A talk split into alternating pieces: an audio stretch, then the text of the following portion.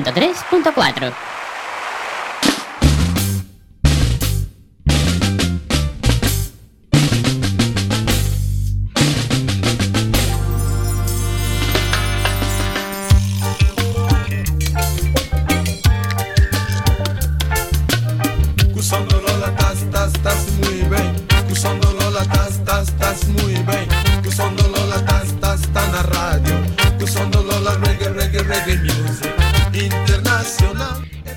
Moi boas tardes, benvidos e benvidas ao 16º programa da primeira temporada de Tase Ben na Radio. Estamos en directo en Quack FM, son as eh, 8 da tarde, emitindo desde a distancia, desde as nosas casas. Isto seguimos en confinamento aquí en Quack FM. Isto é a 103.4, a radio comunitaria da Coruña. Radio toca reggaetón, bata porta do veciño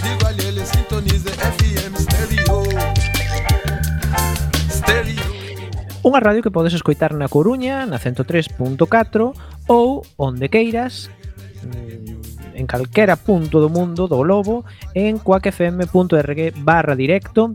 E ademais aí podes participar nun chat que temos eh, na emisora eh, podes comentar este programa. Nos iremos lendo todo o que nos poñas por aí. Recorda coacfm.org barra directo. E deixanos aí os teus comentarios nese chat.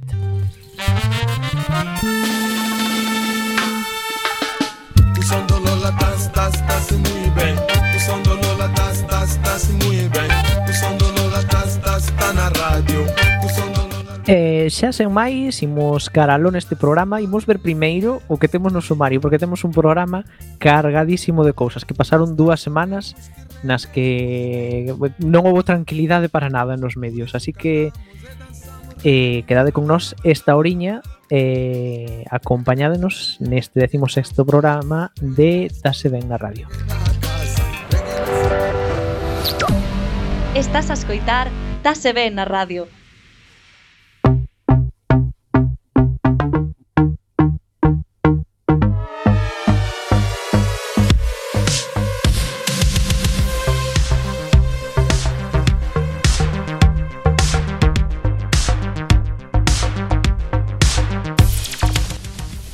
Pois como decía, vaya se non pasaron cousas estas dúas semanas. Hoxe, aquí no programa, repasaremos a actualidade dos medios públicos galegos que estiveron máis de actualidade e non para ben que nunca. E a nivel eh, estatal falaremos tamén do que pretende facer TVE de cara á nova temporada. No final do programa, pois, eh, repasaremos e eh, falaremos doutros temas non menos importantes como o drama de Negre que volve, xa vos adiantamos que eh, el mundo decidiu prescindir dos seus servizos como xornalista, entre aspas, é uh, ah, un xornalista que, bueno, pois está de moda nos ambientes fachas do Estado español. Así que nada, eh, debullaremos a situación actual de Negre e mm, outras moitas cousas máis, porque queremos falar tamén de Operación Triunfo, queremos falar tamén de eh, un reportaxe maravilloso que emitiu a Televisión Pública Vasca, falaremos deso, non vos, non vos lo perdades, e para iso acompáñame hoxe neste programa Gema, moi boas tardes. Hola, moi boa tarde. Ves preparada? Preparadísima. Mira que temos moito tema e temos moita tela que cortar, como bueno, decimos habitualmente. Acabo de tomarme un café triple. Moi ben, pois asentados todos, comezamos.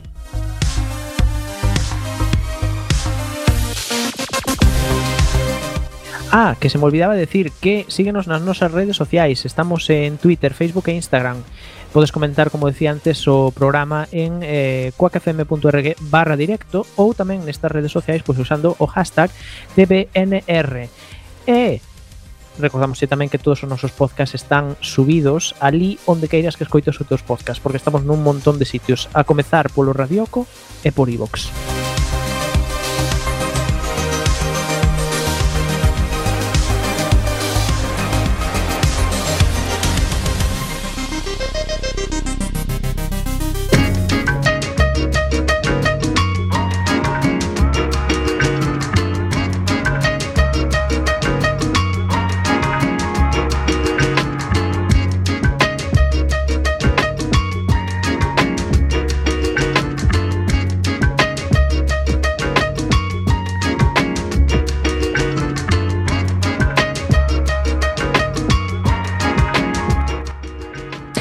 E comezamos falando, como decía antes, da polémica das último, dos últimos días, neste caso que involucra tamén a Televisión de Galicia e que ten que ver co off the record que se difundiu da ministra de Igualdade eh, eh, Irene Montero.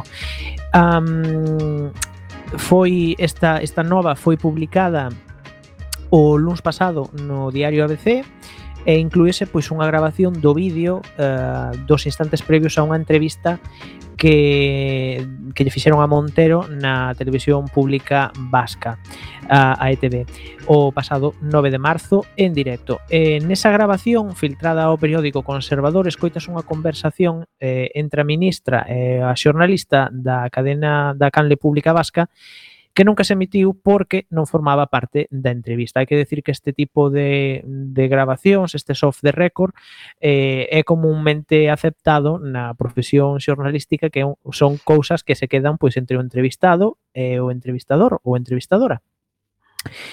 Tratábase, por tanto, dun diálogo previo eh, fora de cámara, aínda que quedou grabado por realizarse con unha conexión aberta entre o equipo entrevistador e o posto de control da Canle, propio de conversacións distendidas pois que, que adoitan ter estes politico, políticos e xornalistas que se poden marcar eh, no término periodístico que de off the record, como decíamos. Eh, co que se adoita facer, pois isto, referencia a conversas, eh, palabras que se pronuncian nun contexto privado, pero que en ningún dos casos pois se adoitan ou se deben utilizar en informacións eh, xornalísticas. A Televisión de Galicia arquivou ese, ese, ese vídeo e etiquetou en marzo ollo ese off de Irene Montero que acabou filtrándose ao ABC. E ademais eh, informaron eh, puntualmente nos telexornais eh, con relación a esta suposta exclusiva do ABC. Está xerando controversia un vídeo publicado hoxe polo xornal ABC en que a ministra de Igualdade apunta o coronavirus como posible causa da caída de participantes nas marchas do 8 de marzo. O vídeo recolle a conversa de Irene Montero cunha xornalista minutos antes de entrar en directo. O xornal ABC recolle os momentos previos a unha entrevista que a ETV lle facía a ministra de Igualdade o día despois das manifestacións do 8M. El 8 moi bien, moi bien. Eu salí moi contenta porque, joder, este mogollón de peña volcada. Irene Montero falaba coa xornalista mentre se preparaban para entrar en directo nun programa da Canle Vasca. A conversa da que se fai coa ABC segue. ¿Qué crees que se debe la bajada de cifras a la pastilla? Creo que al coronavirus. Pero es que... O sea, no lo voy a decir porque... Sí, porque te van a sacar cantares, ¿no? No, pues porque, tía, porque quiero ser muy prudente, porque creo que la comunicación que se está haciendo como gobierno es una buena comunicación muy basada sí, de en los datos médicos. Irene Montero recoñece certo sentimento de pánico na sociedade e ao mesmo tempo lembra como lle pedían bicos e abrazos. Desarrollado el ministerio, porque claro. la gente todo el rato de te puedo, un beso, ministra, te puedo dar un beso. Bueno, dicen que el coronavirus, pero da igual, no, no. Ya. O vicepresidente segundo defende estes comentarios da ministra de Igualdade. Pablo Iglesias asegura que o que di Irene Montero é bastante sensato e afirma tamén que son cousas que xa se sabían lo que dice es bastante sensato. Dice que el gobierno tiene que hacer caso a los expertos, dice que hay que ser enormemente prudentes y dice cosas que ya se sabían. Pero o Partido Popular pide que a ministra Montero dea explicacións no Congreso. Para Ana Pastor, esta filtración é a proba de que o goberno non actuou antes por motivos políticos. Pero ahora ya hemos constatado que el gobierno de España sabía que había un riesgo y por motivos políticos no puso en marcha las medidas adecuadas para la contención de la pandemia. A TVG desvinculouse da filtración nun comunicado no que rexeita o uso de imaxes en off, porén, si que o incorporou no seu arquivo con anotacións sobre o que a ministra dixo antes de iniciar unha conversa ca ITV. Ademais, eh, como vedes, informaron puntualmente eh, deste asunto emitindo, emitindo as imaxes e os audios. Así, ademais, constan nos registros da plataforma informática tedial que usa a nosa canle pública para a xestión dos, eh, dos vídeos e noticias a Televisión de Galicia é a único o único canle autonómico, ademais da Vasca, propietaria das imaxes, que tivo acceso ao dito por Montero aquel 9 de marzo, mentras esperaba para entrar en directo eh, nunha tertulia da televisión vasca. Bueno, Gemma, eh, comecemos polo básico. Eh, podemos contextualizar que nos parece eh, as, eh, as, eh, ademais que ti xa me comentaches que estiveches cansada de que che enviasen este audio, non, a ti que che parece no, toda, toda esta que che parece toda esta polémica? Jo, tía, pois pues non sei que decir. a ver, unha chamoume moito a, bueno, a, Eh, a ver, isto é un off topic, pero bueno, chamoume moita atención que unha ministra se exprese con esta coloquialidade tan barrio bajera, ¿no? Pero bueno. Sí.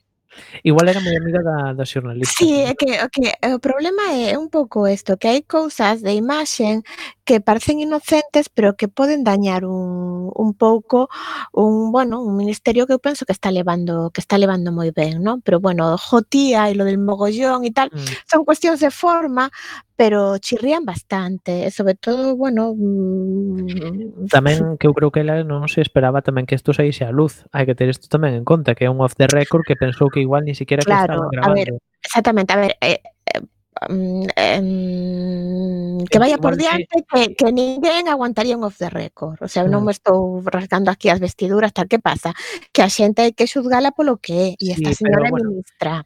A mí tamén me, a mí tamén me sorprendeu escoitala falar así neses términos. E claro e bueno, e bueno, con relación xa ás propias declaracións do, do tema e do da, da manifestación feminista e todo isto que eu de verdade estou cansado dese tema porque o están utilizando eh, outra vez máis como iso, non?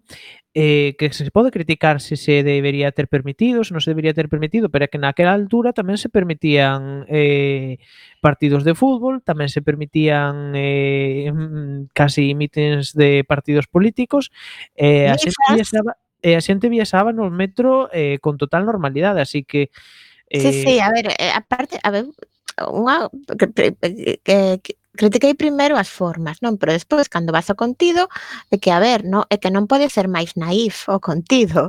Quero mm. dicir, ela mesma está recoñecendo que este, bueno, que se está vivindo unha situación de pánico, de confusión e que ela non quere eh, entrar eh, a, a decir en antena ningunha cousa que poida e, e contribuir a aumentar esa confusión e ese pánico.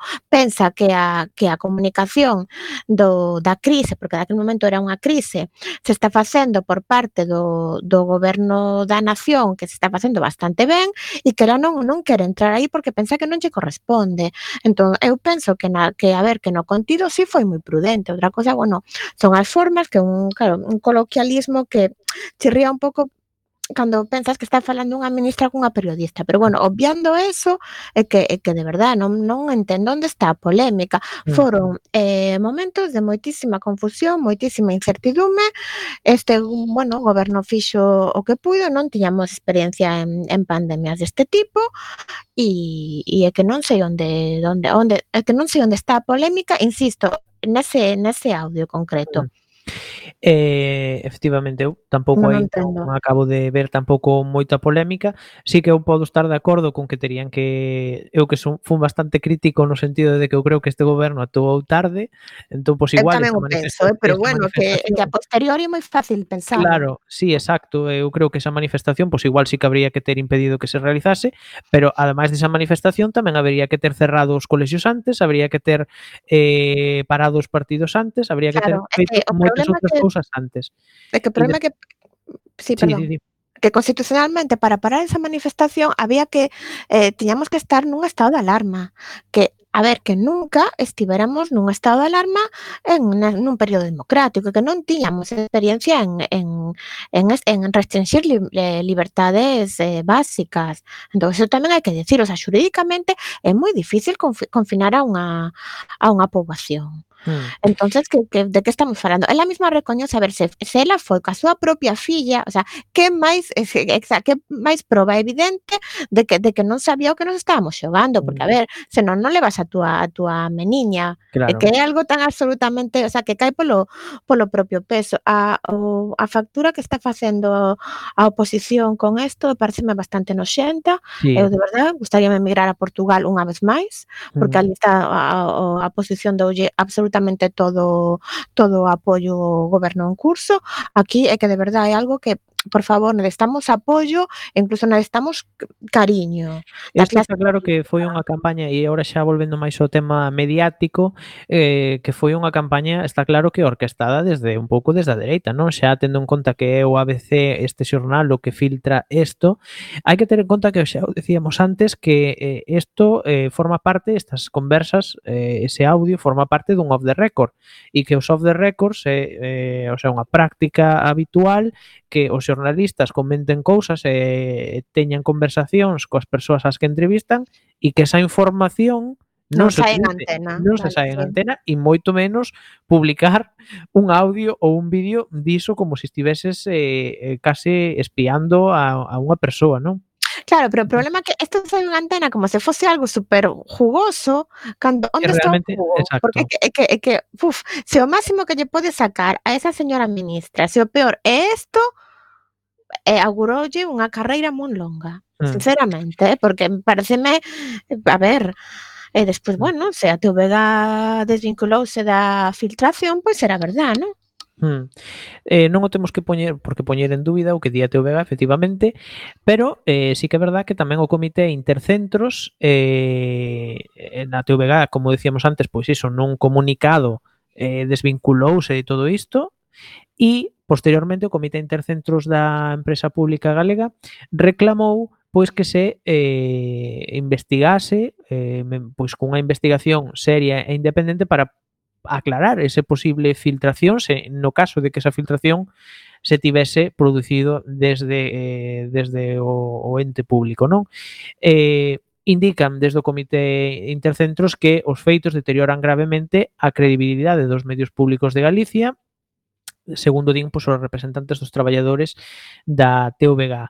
Eh, a, te, a dirección da compañía negou categóricamente nun comunicado, como decíamos, a súa participación na filtración e rexeitou o uso de imaxes gravadas na, eh, na previa da entrevista sen respeitar pois, a praxis de confidencialidade comúnmente establecida. O certo é que bueno, pois, o, tele, o telexornal eh, tamén se fixera eco pois, desta información do ABC como escoitamos antes. Por outra parte, Feijó pois, tamén evitou comparecer no Parlamento para responder pola filtración do OFF de Irene Montero e o papel da TVG na, na xestión das imaxes. E hoxe, eh, xa a noticia tamén de última hora, eh, a TVG, eh, a dirección da TVG volveu a, a negar que, que se vai a producir esa, esa investigación eh, esa investigación digamos independente eh, independente dice Independente, claro. Ah, independente. Vale, vale. Que se, que, ou que se vai a producir xa nin independente nin independente. Se non, era para se escoitara ben, perdona. Sí, que se vai a producir calquera tipo de investigación neste tema que eles consideran xa zanxeado.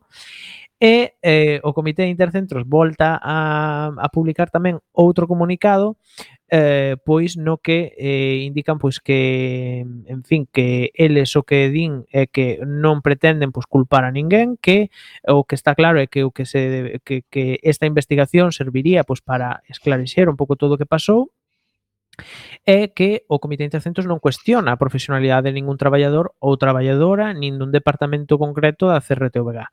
Eh, en fin, que a polémica sigue e eu penso que isto, non sei, nunca imos eh, coñecer exactamente de onde se filtraron ou como se filtraron esas imaxes, porque sí que é certo que certos medios digitais tamén apuntaron un pouco aí á televisión de Galicia, non? Porque, eh, por exemplo, el diario.es mm, ou xa a propia televisión pública vasca decía no seu, no seu comunicado cando se filtrou este vídeo que só tiveran acceso a, ese, a esas imaxes eles eh, a televisión pública galega porque están inseridas na forta.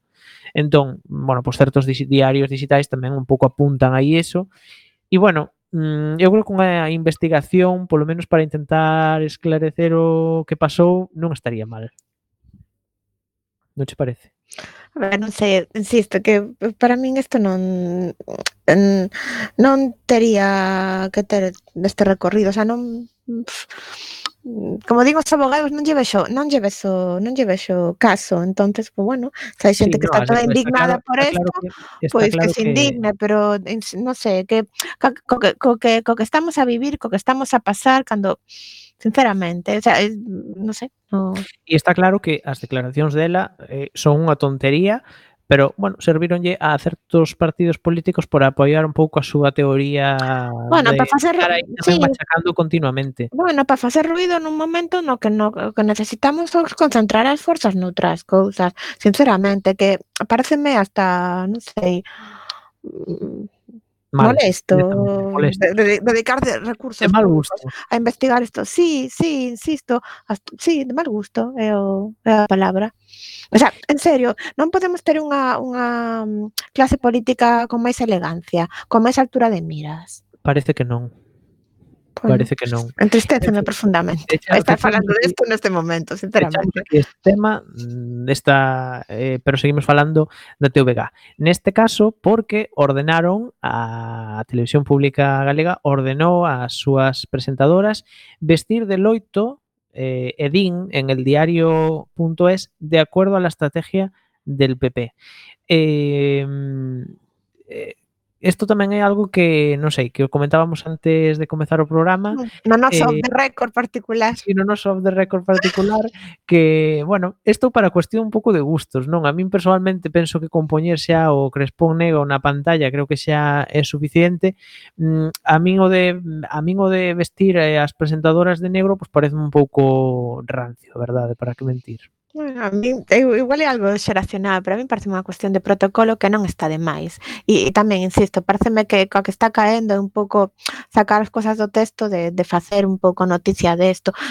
Non sei, pareceme que algo protocolario e a ver, estamos nun momento que foi o período de loito máis longo de, bueno, de toda a nosa, da nosa historia como, como nación, entonces como, pues, non sei, como, como é un, un como algo de etiqueta, ti velo como algo sí, de algo protocolario, de sí. sí. A ver, eu se fose presentadora, pois pues, tampouco me me iba a gustar vestir de vermello nestes momentos, era un pouco como non sei, unhas a ver, eh, estamos no, nunha cultura onde predomina o audiovisual e as cousas nos entran polos ollos, pois bueno, un símbolo máis de de loito, non igual hai xente que pode pensar, jo, pois que chorrada.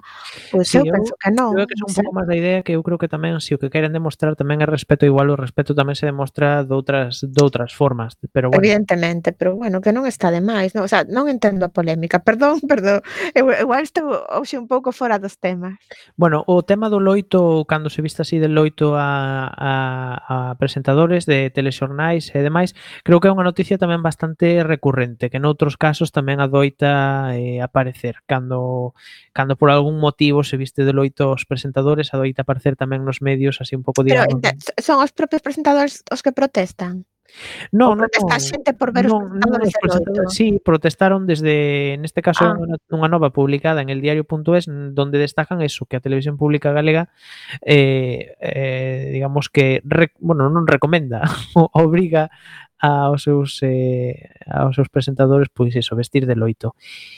Eh, tamén el diario.es eh, publica unha nova sobre eh, unha reforma na CRTVG que costou 70.000 euros, nada máis e nada menos que o do despacho do director da Radio e Televisión Pública Galega, que gastou eso, 70.000 euros na reforma pois de, desta, desta estancia e que ademais eh, autorizou el mesmo un gasto de 76.000 euros de diñeiro público para a reforma do seu despacho ubicado na planta primeira do edificio de San Marcos onde se encontran os estudios centrales da Radio e Televisión Autonómica. Eh, a eh, reforma esta, perdona, que foi foi previo ao confinamento, durante ou como era o tema? Que non, no, creo que non o indica. Eh, el, foi o propio izquierdo quen ca súa firma autorizou o desembolso e a súa e a posta en marcha do procedemento de contratación que se planteou a finais de 2019 con un presuposto base de licitación de 76.267 euros IVA incluído. Eh, incluso eh, no mm, na propia nova del diario.es aclaran que incluso reformou un baño adyacente que ten no, me parece un dato moi curioso. Home, claro, se eh. reforma, vamos a ver, se reforma o despacho non vas deixar o baño sen reformar especificando o que gasta, o que gastaron no baño, que non sei se poñían mm, non sei cantos metros cuadrados eran, pero moi pouquiños e que costara tamén bastante cartos e que, bueno, incluso especificaban pois o que en que gastara eses cartos, non? Pois ca, ca, cambiou toda a grifería, cambiou exacta, cambiou todo, puxo todo ao seu gusto. Xa sabes como son as obras, unha vez que te pones, te pones. es que E cando non eres tío que paga, mm, xa moito mellor. Claro, a, a ver, non sei que dicir tamén desto, non sei pareceme unha noticia tamén un poquinho folclórica, bueno, non sei que a ver, a ver, para todo, a ver, mm, eu teño que dicir, con todos os respetos tamén a el diario.es, eh, habría que ver tamén como estaba o despacho Claro, antes. que entendes, nos, nos, fa, nos faltan datos, é como que unha é un despacho público, quero dicir, eh, supoño que para o seu lugar de traballo, entonces non foi da súa casa, non foi entendes o que quero dicir? Sí. Bueno, habría que mirar como, como estaba antes, había que mirar bueno, en, en todos eses cartos hai hai medios técnicos, se algo que queda aí para posteridade e tamén outra cousa, se firmou, se pude autorizar coa súa firma é porque estaba é, é, é porque era ela a persoa autorizada. Mm. Quero dicir, entonces, que hai noticias que dependen como se redacten que non sei, é unha noticia faltan, eu creo que faltan faltan, faltan datos. datos aí, habría que saber datos, eso, si, sei. si foi un gasto innecesario ou e isto tamén entrará un pouco na valoración persoal de cada un. Claro, mm. cando mm. foi aprobado, cando non, que sí. a veces nos rasgamos as vestiduras por, bueno, por noticias como estas, e despois hai moitísimos, os cartos se van noutras cousas que, bueno, igual estéticamente chirrían menos, pero son menos necesarias, non? Sí, non eh, sei. Personalmente neste asunto creo que, que bueno, que choranlle moitos cartos para facer producións audiovisuais ou facer calquera outro tipo de cousas, pero despois gastanse tamén 76.000 euros en reformar un despacho. Bueno, eh, habría que ver como estaba antes, o dito. Eh, agora sí, cerramos o asunto CRTVG e imos falar dunha reportaxe que emitiu este fin de semana, creo que foi a Televisión Pública Vasca. Música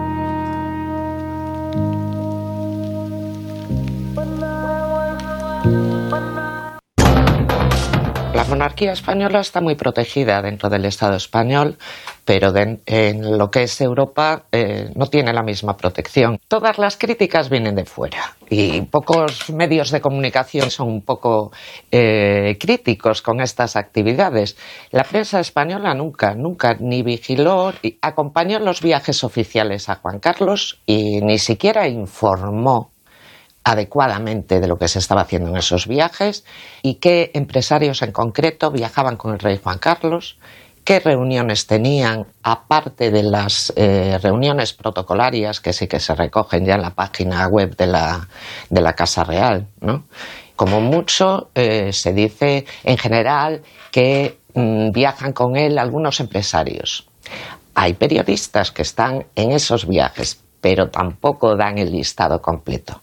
Y bueno, esto pasaba con Juan Carlos y pasa con Felipe. Ha tenido que ser la prensa internacional la que desvelara los escándalos relacionados con la Casa Real. ¿Cómo se ha conseguido el aparente silencio del periodismo español? La periodista Ana Pardo de Vera habla de que, en defensa de la seguridad nacional, se han diseñado estrategias para minorar el impacto de ciertas informaciones. Nosotros tuvimos conocimiento eh, en público de una, de una comida eh, que no trascendió eh, porque resultaba imposible confirmarlo y, no había fotos de una comida que convocó la presidenta entonces del Congreso, Ana Pastor, con las cabezas eh, de los grandes grupos de comunicación, entre ellos también los de televisión, que no son tantos. Y esa comida pues formaba parte de una estrategia habitual que consistía en recibir información directamente. No sé si había alguien de la Casa Real, no lo sé. Eh, consistía en recibir información directamente de la situación y decir cómo se tenía que, que manejar y cómo les gustaría que se manejase por seguridad del Estado. La prensa sigue siendo vasalla de la monarquía y negándose a publicar cosas críticas sobre Felipe. Y como mucho va a sacar algunas cosas inevitables sobre Juan Carlos porque las sacan en la prensa europea, pero siempre protegiendo al máximo la figura de Felipe. Las presiones mediáticas en España han existido siempre de cara a la Casa Real. Yo recuerdo eh, cuando yo saqué la revista Época, el primer escándalo Amoroso del Rey con Marta Gallá, no había ningún medio que lo sacara, teníamos que esperar a que la prensa italiana o francesa sacaran para que luego la, española la, la, rebotara. ¿no? Yo también fui el primero que denunció el caso NOS y también tuve presiones, inmediatamente se quitó de la página web de la COPE donde lo dije, ¿no? O sea, duró menos que un caramelo en la puerta de un colegio. Lo que pasa es que hoy en día es muy difícil ya mantener esas presiones, pero que la Casa Real está todavía controlada en España, yo creo que sí, eso está claro. Otro ejemplo de cómo se contienen las informaciones negativas sobre los miembros de la familia real lo encontramos en los días previos a la exclusiva del diario de Telegraph. James que está convencido de que la Casa Real trató de amortiguar el impacto de su información. Los días anteriores a la publicación de la información de, de Lucum y de Zagatka, el día 14 de marzo, contacto con los implicados uh, y me, me, sorprendió un poco ver, eh, creo que fue el viernes, que el país uh, sacó un artículo sobre la Fundación Zagatka ¿no? y, y, creo que menciona que eh, don Juan Carlos está entre los beneficiarios de esa cuenta. Lo que no mencionó era que Felipe también estaba en, en esa fundación como beneficiario cuarto. Uno puede pensar que la intención quizás era amortiguar, eh, amortiguar un poco el, golpe de la información completa que iba a salir este fin de semana, ese fin de semana en el Telegraph.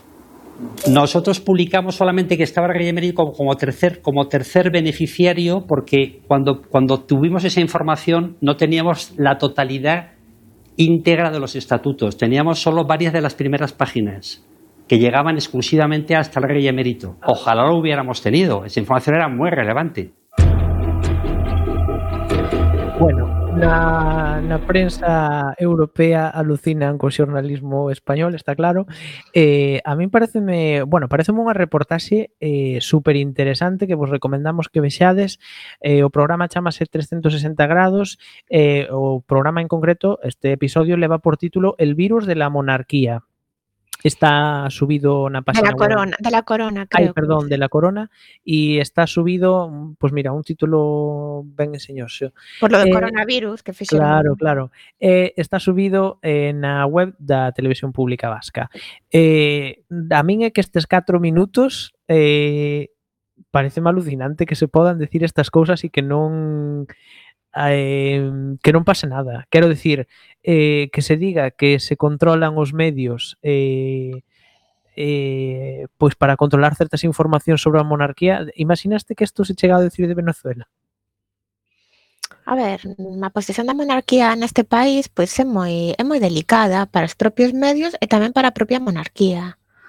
Entonces hai como unha simbiose aí eh, corrupta, pero corrupta dende o principio, corrupta no sentido estricto da palabra da palabra corrupta, eh? non corrupta por carto, senón corrupta de que de que se mm, ensucian mutuamente porque porque bueno, porque hai alianzas moi febles que veñen duns períodos dos que ninguén quere falar pero eh, falo dos medios e falo da, da monarquía tamén, de entendes de favores aí en entre entre entre en, bueno, entre as simbioses que se dan entre os dous.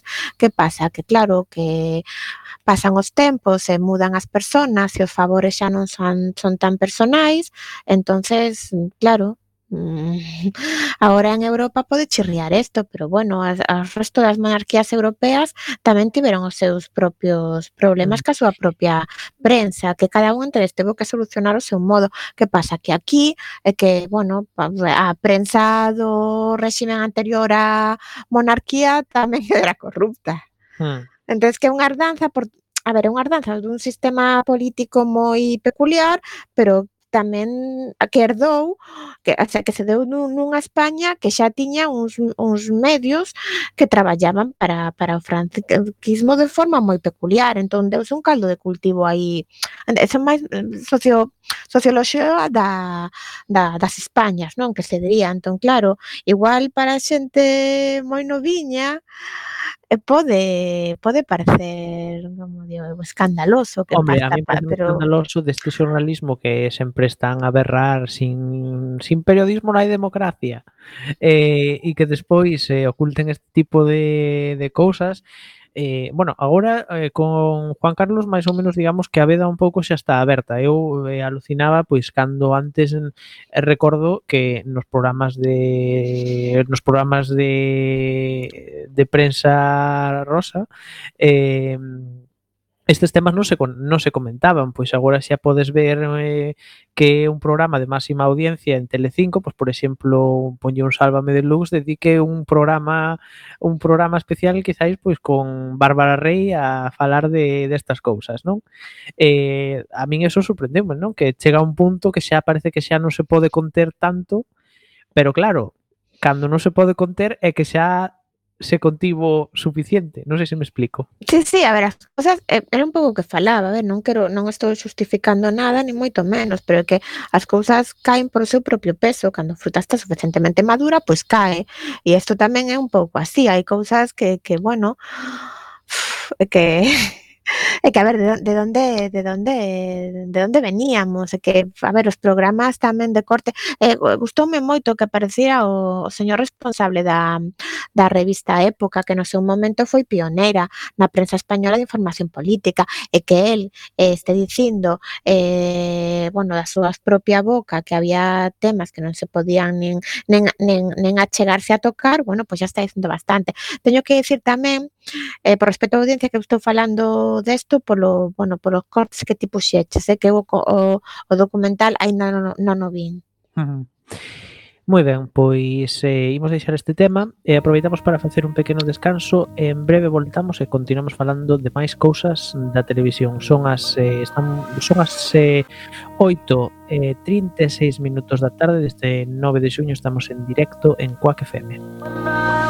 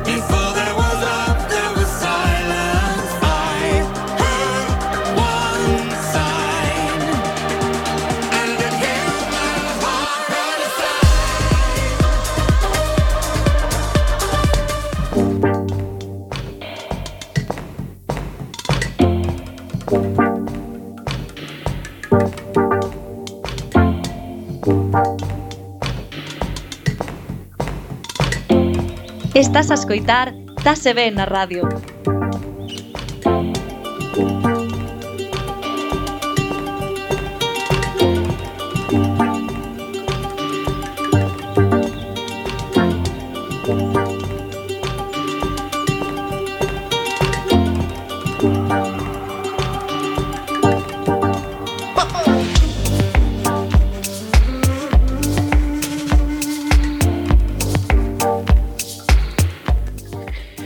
pois seguimos en Tase Ben na Radio en Cuac FM cando son a, agora exactamente as 9 menos 20 da tarde.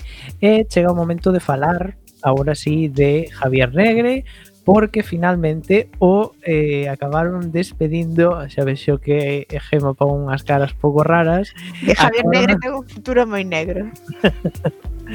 Porque finalmente o despediron de El Mundo e que eh, acusando de competencia desleal. Aí queda iso tamén. Competencia desleal. Despois de varios meses nos que se habían turbiado a relación entre eh, El Mundo e Javier Negre, os responsables do rotativo de unidade editorial decidiron despedir ao xornalista. Fixerono pois a raíz de, do que consideran reiteradas falsas disciplinarias como a consecuencia dunha actividade que el realiza fora do periódico, que é basicamente un programa eh, digamos, un programa entre aspas eh, que realiza... Programa de, de, humor, me parece, non? Non, humor non. No. Que realiza... Que realiza... Eu que eh, un día rime bastante. bueno, é para rir. Que realiza en YouTube. Eh, dado que é disciplinario, isto xa como dato eh, de interese, pois o xornalista non ten dereito a indemnización engaden fontes do rotativo. Oficialmente, desde a unidade editorial, declinaron facer comentarios declarando isto que son asuntos internos. Hai que recordar que Negre xestiona pois este canal digital Estado de Alarma que puso en marcha fai unhas semanas antes, segundo a súa definición, a actitud dun goberno negligente e incapaz de gestionar esta crisis que se está llevando vidas de españoles. Bueno, eh, según adelanta tamén periodista digital, que, bueno, outro medio tamén que tal baila, eh, la línea ideológica de este programa no era del agrado de algunos pesos pesados del diario generalista, é decir, que era eh, a línea editorial de Negre era máis eh, Era, conservadora máis, era máis negra todavía. máis negra que el diario El Mundo, que se, que se ha de decir. Bueno, ¿tú cómo ves esta, negro. esta, negro relación, todo. esta relación amorosa? Moi negro, moi negro. Bueno, non sei se será unha disputa de amantes que acabarán arranxándose como todas as disputas de amantes ou se será un, un divorcio.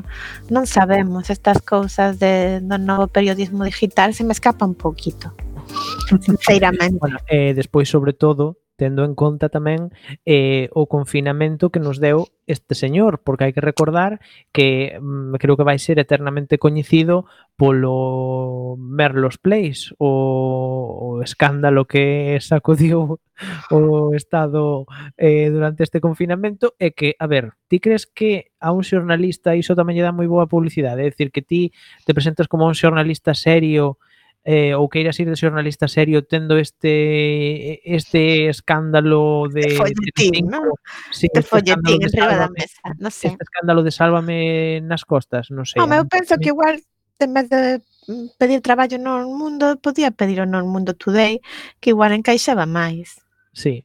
Eu aquí neste, eu neste sentido creo que eh, eu creo que el mundo tamén viron que estaba claro que eu creo que el mundo iba a prescindir deste señor porque moi boa imaxe non dá ter a un xornalista que se dedica a facer este tipo de vídeos e a pasearse por Sálvame que lle deron unha malleira dialectal cando cando eh, cando estivo ali eh, pois... Hombre, eh... todo o mundo sabe que Sálvame é un programa de rojos e maricones, non? Textualmente falando.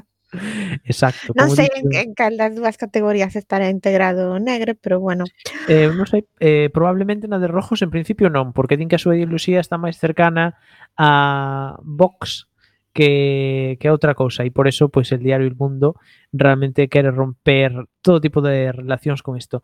Hai que recordar tamén que o despido de Negre prodúcese despois de tan só despois dos meses de que fora condenado xunto al mundo precisamente a pagar unha multa de 30.000 euros por intromisión ilícita nos dereitos á intimidade, á honra e á propia imaxen despois da publicación dunha entrevista a unha das víctimas eh, de Sergio Morate sen o consentimento da muller. Daquela, o Diario de Unidade Editorial conformouse eh, conformou un comité para analizar o caso e baraxear posibles medidas disciplinarias contra Negre. Pese que unha parte dos seus componentes estaba a favor do seu despido, entre eles o director del Mundo, Francisco Rosell, finalmente optouse por manter a Negre como un dos responsables da sección audiovisual do, do periódico. Aí queda iso. Hai que destacar sempre que, eh, bueno, pues el diario El Mundo e Negre están condenados, pois, basicamente por inventarse unha entrevista. A ver, se, eso dixo un xuiz, non? Eso foi a xuiz sí, e todo eso. Podemos sentencia decir, firme, bueno, pues, se, sentencia firme. se di unha sentencia será verdad. Quero dicir, mm, eh, confésome unha ignorante na trayectoria, mm, como se di, eh, laboral do señor, do señor Negre, periodística laboral do señor Negre. Se, se eso está escrito di unha sentencia, pois pues será verdad. Será verdad que, que era mentira a entrevista, digo, non? Ah, mm. non sei. pois... Pues, Parece que sí. Parece que sí. No sé. Ben, eh, máis cousiñas. Temos que falar tamén de televisión española, porque neste caso televisión eh, española eh, está relegando a información territorial, como din en Voz Populi, a la hora de la siesta. Uh, o director de Servicios Informativos o LUNS, Enrique Hernández, contratou cos directores dos centros territoriais da corporación para confirmarlles por videoconferencia un rumor que xa andaba polas eh, pasillos de, de Torre España e é que os informativos autonómicos serán movidos dentro da parrilla de televisión eh, da programación de La 1. Según outras fontes internas, a idea que barallaban os responsables da corporación durante as últimas semanas é a de retirar tamén desa franxa o programa destinado á información do corazón e ofrecer un concurso que eh, do que se encargaría Yes Music. Eh, non serán os únicos cambios que terán lugar na franxa matinal de la 1, dado que, bueno, pois a partir tamén da propia da próxima temporada desaparecerá da súa parrilla Xavier Fortes e María Casado. Esta última, pois, pediu unha excedencia tras o seu relevo e fichou como directora audiovisual da produtora de teatro Xojo TV de Antonio Banderas. Hai que deso. Xavier mm. Fortes non se vai de da, da non se vai de non se vai da canle pública, senón que o moven a, eh, se mal non recordo, a La Noche en 24. A idea é emitir un programa pola mañán que estará presentado por Mónica López e para o que TV tería eh, se ha feito unha oferta ao xornalista da cadena SER Aymar Bretos, segundo adiantou eh, o Confidencial Digital. Sin embargo, Bretos eh, rexeitou a oferta tal e como confirmou nas, eh, nas súas redes. Bueno, pois cambios que nos esperan en, eh, na parrilla de televisión española eh, de cara á nova temporada. Hai que decir que tamén os sindicatos de televisión española están criticando tamén duramente pois esta medida de relegar eh, a información territorial a esas horas cando probablemente teñan moi pouca audiencia. En fin, que xa apuntan maneiras como que se está desmantelando un pouco ese servicio. E agora sí, falamos tamén de televisión española porque mañán celébrase eh, a final de Operación Triunfo, Gema. ¡Ah! que temos representación. Temos unha rapaza galega, bueno, coruñesa, non? Coroñesa, sí, eh, chamase Eva, eh, en fin, eh, colouse nesta final que tuvo que facer un parón por mor do coronavirus e que eh, volveron a retomar hai como dúas semanas e parece que este volver a retomar lles eh, funcionou bastante a ben a televisión española porque un programa que estaba tendo Estaba unha audiencia, morrendo. unha audiencia bastante ínfima, pois agora anda facendo 11, 12, que está bastante ben. Así que, en fin, eh, Eva é unha das, eh, das eh, finalistas, aínda que probablemente, mm, bueno, pois podemos decir que igual non gaña, porque a favorita é outra que se chama Nia, eso sí que ata aí sí que controlo, eh, E, en Home, fin, nia, pero... nia moita nia, eu nia non sigo o programa, pero, pero os bueno, vídeos que vi nós podemos animar a xente a que vote en Operación Exactamente, exactamente. Pois nada, hai unha parte unha plataforma de apoio a Eva, eh, incluso o seu bueno, o seu colexo, instituto, que tal, onde a nai é profesora tamén, estáse movendo bastante polas redes E, pois nada, non vamos a decir que, que non, non? Que non queremos que gañe unha coruñesa, así que, bueno, se vos Por gusta, favor, por favor, de que gañe. e Ah, vos gusta, claro, apoiade a, a Eva, está ata mañán para para votar e, bueno, que eu a, eu, a ver, eh, sorprendeume moito porque como isto estaba na escaleta, pois preparándome o programa, pois estuve facendo un sondeo nos meus amigos así máis máis de Mm, que máis seguiron a Operación Triunfo do ano pasado. E dixen, "Boa, que pensades de Eva?" Ta, ta, Ni la conocían, nin sabían nada dela, nin querían opinar, o sea, é certo que baixou moito a a, bueno, a seguimento, o seguimento do... de Operación sí, Triunfo. Sí, sí. Mm. sí, sí, decía, mira, que non podo mm, decirche nada dela porque nin, nin a sigo, no, así, claro. parece maja e tal, bueno, entonces eh, isto isto que hai. Bueno, a Operación Triunfo esta temporada está sendo así moi atípica, pasou o que pasou, pero xa empezou bastante mal en temas de audiencia e moita xente critica que o que tiñan que facer era deixar descansar un pouco o formato. En fin, que veremos un pouco tamén como se soluciona, como acaba este programa. Eh, iba a comentar algo de Eva. Eh, All About If, contanos. Ah, sí, iba a comentar que mm, o caso de Eva é un pouco curioso porque eh, cando comezou Operación Triunfo era como unha das grandes favoritas, non? Aquí neste programa en Coque FM xa cando fa, estaba facendo os castings xa apuntamos que ela era unha posible a entrar na academia, mira ti por onde, aquí estamos na final. E no primeiro programa causou pois moita sorpresa e tivo moita xente que a mm, pois que, que estaba apoiando.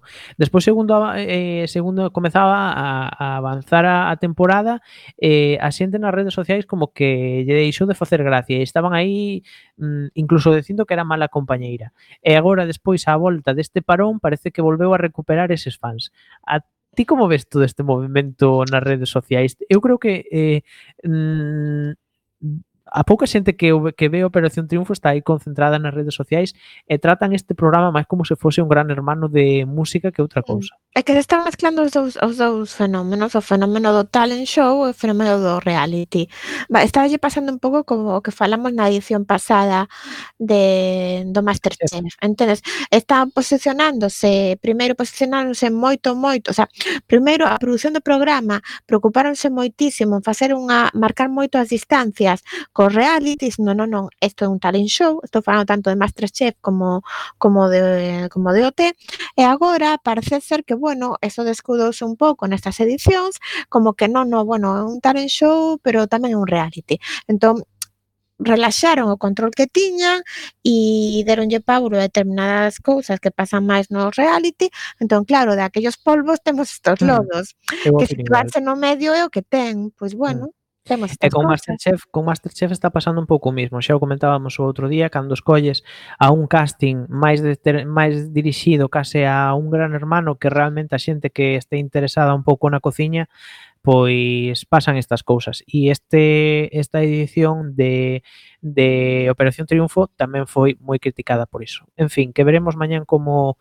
acaba eh, este programa. Bueno, podemos eh, lanzar desde aquí moitos ánimos a Eva, non? Moitos ánimos a Eva, porque Venga, xa que moitos ánimos a Eva, xa que temos representante tendes, galega, pois claro. que tal. E, eh, se tendes castillos para gastar, que os gastedes votando. Tamén, tamén. Eh, lanzar a invitación a que despois veña aquí a Coac FM e nos por conte. Suposto. E nos, nos como Foi a experiencia. Tamén non podemos eh, lanzamos esta petición. Nos queríamos entrevistar noutro programa de Coaque FM que temos. A nosa querida Sabela eh, tamén lanzamos de novo a Claro, a, Eva, acórdate, acórdate de nós cando ganes o té.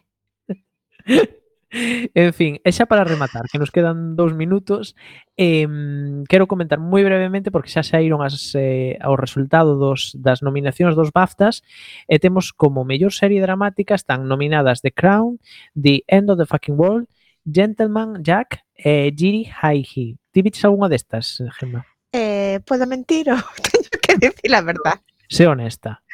Pois non, eu Ninguna. non, pois, sinto, a ver, a de Crown tiña pendiente para esta cuarentena, pero... Pois, pois moi recomendable, a min gustame moito, e The End of the Fucking World tamén a recomendo, así que eh, apuntades eses dous nomes. E despois, como serie de comedia, eh, está nominada Catastrophe, Derry Girls, Fleabag e Staff, Let's Flats, que eu destas vin dúas, Derry Girls e Fleabag, e eh, as dúas son mm, dúas comedias tamén maravillosas. Eu casi me quedo con Derry Girls, que me parece unha comedia mm, preciosa. eu, yo, yo me quedé en las chicas de oro. e por último, como, como miniserie, eh, está nominada a Confession, Chernobyl, The Victim y The Virtues. Viches algunha destas? Sí, Chernobyl, pero non, non seguín con ela, non é o meu estilo de serie. Te gustou? Eh, pillóme nun mal momento, entón non tiña a capacidade de atención que esa serie requería, dixen, va, xa. sabes cando algo non non non é non non é o teu momento para esa serie. Pois fixetes moi ben. Eu a min gustoume, así que eu aquí nesta categoría a tope con Chernobyl é outra que recomendo tamén moitísimo, de feito xa a recomendamos varias veces neste programa. E, en fin, que que con unha cousa e con outra mmm, chegamos ao final. Podo recomendar unha serie que me flipou moito nesta Veña, cuarentena. Moi rápido. Vida en Star Z Play. Boísima. Gustou Vida moito. en Star Z Play. Sí pois aí apuntamos. Eu vou apuntar aí tamén despois. Xa me, xa me detallas máis de que vai esa serie. Tres ah, temporadas. Tres temporadas, guai. Eh, despedimos eh, o programa de hoxe. Foi un placer estar aquí con todos vos e eh, con todas vos. Igualmente. Eh, FM. Eh, moitas gracias, Gema, por acompañarnos neste programa, que tivemos o programa para nós sós. Moitas gracias a ti por convidarme. Nada, está sempre convidada. E nos voltamos o día 23 de suño, co que será probablemente o último programa eh, da, da primeira temporada de Tase Ben na radio. Ata entón... de San Xoan. Eh, sí. pois pues mira, da igual, porque nah. confinados. Ata entón, que sede, moi, sede felices e vede moita tele, iso sí, con xeito.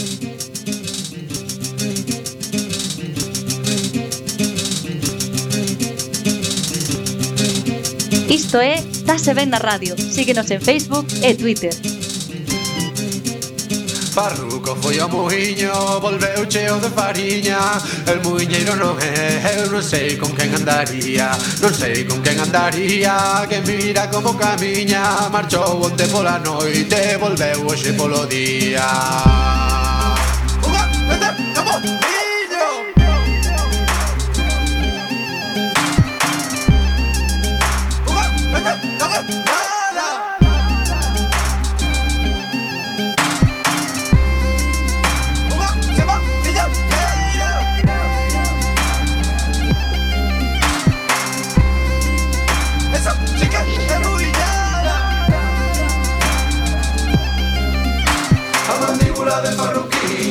con cómo se mueve. El dica no tomó nada, pero baila yo paso doble. Baila yo paso doble, la mente castañera.